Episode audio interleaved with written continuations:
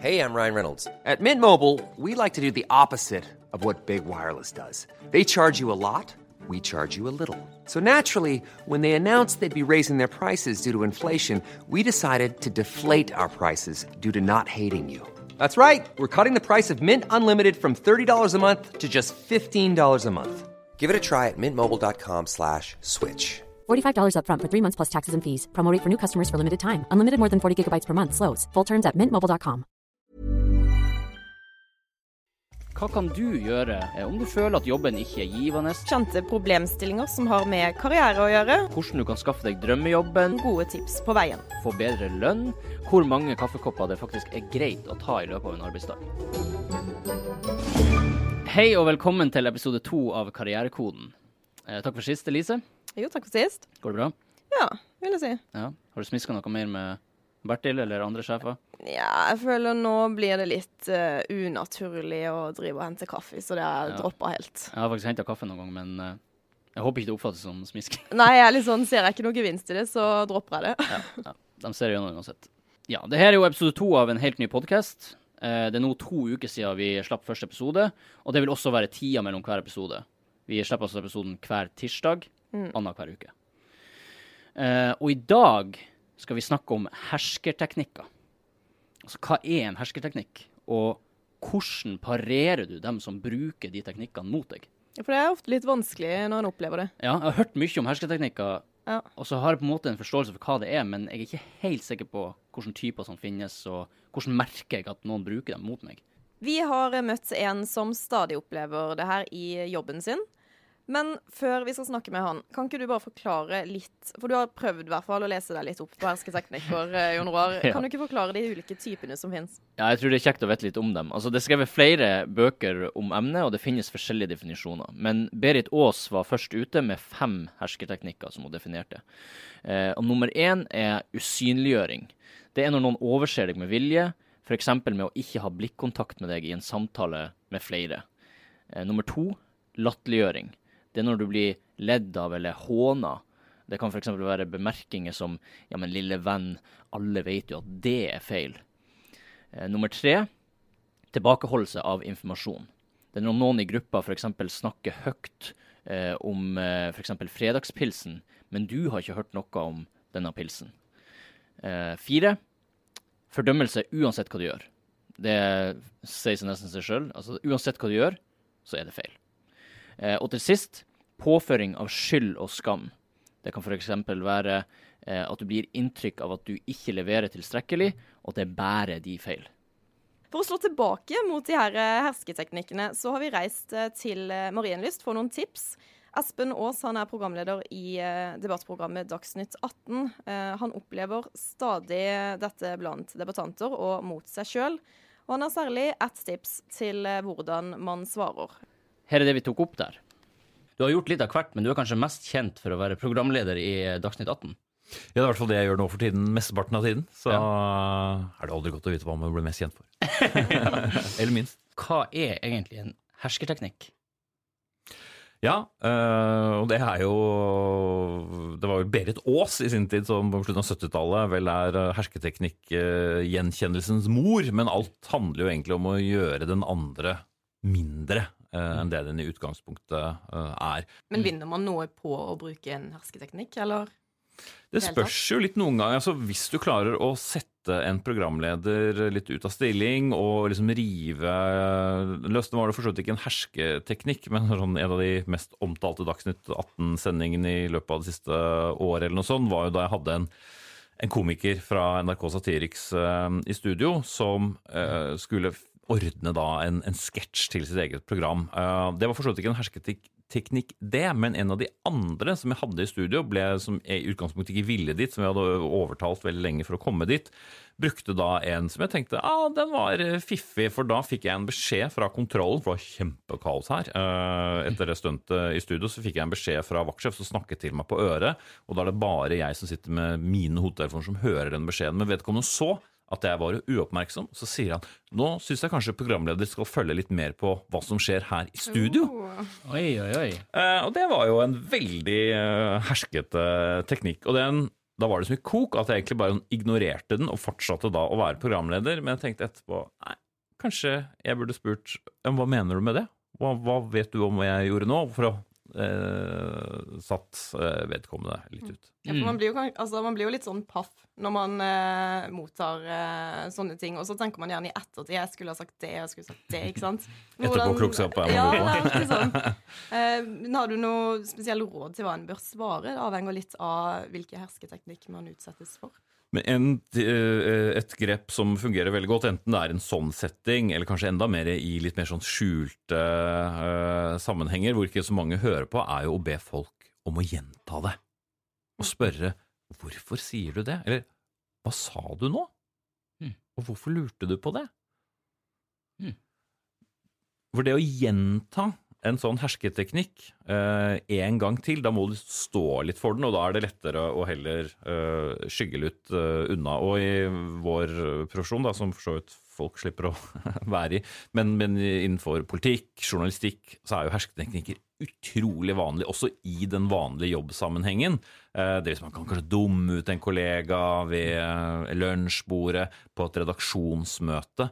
Hvis man da i stedet for å bite seg i leppen, stopper opp og ber vedkommende om å gjenta det hun eller han eh, akkurat har sagt, så kan det bli eh, hvor du tar tilbake eh, makten. Eller bare sånn spørre Spør du om det? Hva har det med saken å gjøre, egentlig?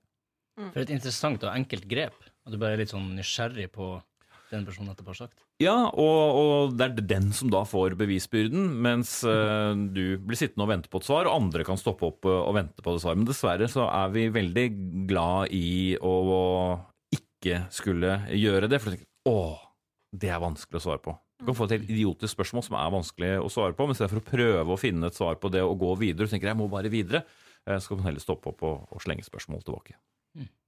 I, hvis du overfører det til mer sånn dagligdagse situasjoner som oppstår på jobb eller i vanlig livet, altså er det, er, det, er det bra å ignorere det da, eller bør man konfrontere det litt mer sånn, være nysgjerrig på det? ignorere det kan være greit noen ganger, fordi hvis ikke så mater du litt den personen som gjør det. Men for å snu på det, hvis du ignorerer, så er det lett å tenke at vedkommende kommer til å fortsette øh, å gjøre det. Altså en som alltid brauter seg frem og syns det er øh, ok å kommentere eller poengtere, alltid ta over samtalen eller prøve å sette deg ut øh, i en eller annen setting, vil jo alltid fortsette øh, å gjøre det. Jeg tenker at en sånn person trenger jo en korreks. Eh, og som jeg nevnte i sted, det å bare da spørre hvorfor, hvorfor drar du opp det, liksom? Hva, hva har det med saken eh, å gjøre? Eh, Føler du det er enklere å bli utsatt for hersketeknikk som ung også? Ja, selvfølgelig. For da er det jo Jeg tenker at jo lenger jeg selv har eh, jobbet i, i eh, NRK, og i hvert fall i en begrenset forstand blitt, blitt profilert, så blir jo hersketeknikkene eh, færre. Men de kan å dukke opp på de rareste ting. F.eks. bare det at jeg har sånn hår som er litt sånn vanskelig å få til å, å se noe ordentlig ut. Det er utrolig mange ganger før en sending hvor noen velger, og, ganske, og, og folk ganske høyt opp i norsk samfunn kan finne på å si rett før du skal gå i studio at uh, du, nå skal jeg si til deg som jeg pleier å si til barna mine, at nå, nå står håret ditt til alle kanter, og nå tar du inn mange forskjellige radiostasjoner. Oi. Og jeg tenker, når du sier det til en programleder rett før en sending, hvorfor gjør du det? Er det for å være morsom, eller er det for å sette deg litt ut av stilling? Eller en annen klassiker eh, som veldig mange har brukt, og en tidligere statsminister var også veldig glad i det, eh, er å gå bort og så rette på skjortekragen din. Jeg er ikke engang sikker på at det er noe med den, men typisk har du tatt på deg jakka eller skjorten rett før du går inn i studio, og så bare sånn Jeg retter på den, jeg. Eh, og da kan det også veldig lett bli eh, satt ut. Men selvfølgelig etter en stund så merker du at jeg, tror faktisk dette er en hersketeknikk som, som, eh, som folk gjør. Og nå har jeg blitt kjempenøye på å alltid sjekke skjorte, slips og eh, jakkekravet før eh, jeg går i studio og ser et speil, og, og da har det hendt faktisk at noen liksom har skullet rettet på en krage. Du skal liksom være i den situasjonen hvor du er sjefen, og plutselig så blir du nesten som et barn fordi at noen har passet på hvordan du kler på deg. Ja. Det er veldig artig og interessant å høre på. Men det, har du noen eh, teknikker som, som jeg bør være obs på, som er mest vanlig å bruke, og, og hvordan merker jeg at det blir brukt mot meg? Det handler jo veldig mye om respekt. Eh, For utgangspunktet, i profesjonelle situasjoner, men kanskje også i noen sosiale, så skal man jo i utgangspunktet være på samme nivå.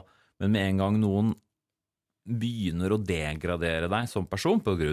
utseende, pga. alder, kanskje noe som har skjedd før, så bør jo eh, alarmklokkene ringe. For da er det tydelig at de er ute etter eh, å gjøre et poeng.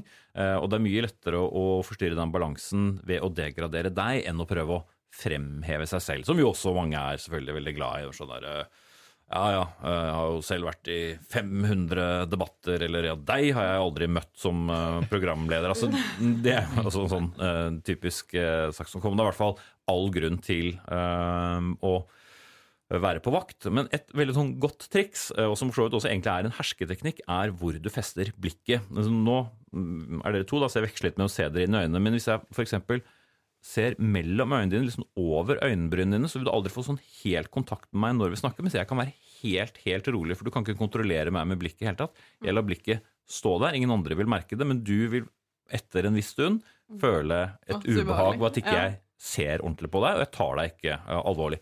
Helt umerkelig. Jeg tror jeg skal bruke den der eh, Kan du gjenta det du sa nå? For da høres det ekstra dumt ut på gang nummer to. Mm. Det gjør ofte det. Eh, særlig hvis noen har kommet med en karakteristikk eh, av deg, eller, eller med et eh, klesplagg. Og tenk deg du sitter rundt et lunsjbord med fire-fem andre, koser dere, og så har en, skal en gjøre et poeng ut av noe, og så ber du vedkommende gjenta det, og så slutter alle å spise. Den. Så kan du spørre deg selv hvem var det som vant. Veldig bra. Eh, da takker vi deg for at du eh, stilte som gjest. Det var veldig eh, hyggelig og belysende. Selv takk. Ja, da er vi tilbake i vårt studio, og eh, det var jo lærerikt, det der. Ja, syns jo det. Ja. Mange smarte taktikker der. Ja, særlig fint at det er så konkret, det ene tipset. Ja. Skulle bare visst om det litt før. Ja, men nå vet vi i hvert fall om det. Og det, jeg har tenkt litt på det Altså, det, det begynner å gå opp for meg hvor ofte jeg faktisk møter på, eller har møtt på disse teknikkene. Mm. Både fra familiemedlemmer og venner og kollegaer. Ikke deg. Du er jo bare ei søt lita Ja, ja, jente ja, på 25 år. Mm. år. men men det, jeg, det jeg egentlig lurer på, er de folkene som bruker de teknikkene, er de bevisst på det eller ikke? For jeg tror kanskje ikke alle er bevisst på om man bruker dem. Kanskje jeg har brukt noen, noen av teknikkene uten at jeg har visst det. Ja, det kan godt hende, det.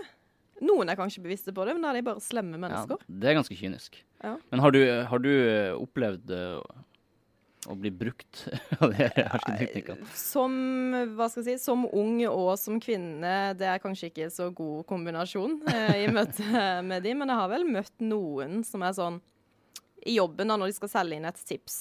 Eh, ja, men du må jo forstå at eh, jeg har 20 års erfaring i bransjen, og du er jo bare tilkallingsvikar. Selvfølgelig, Elise, har vi ulike meninger om dette er et godt tips eller ikke. Ja. Den er ganske stygg. Oh.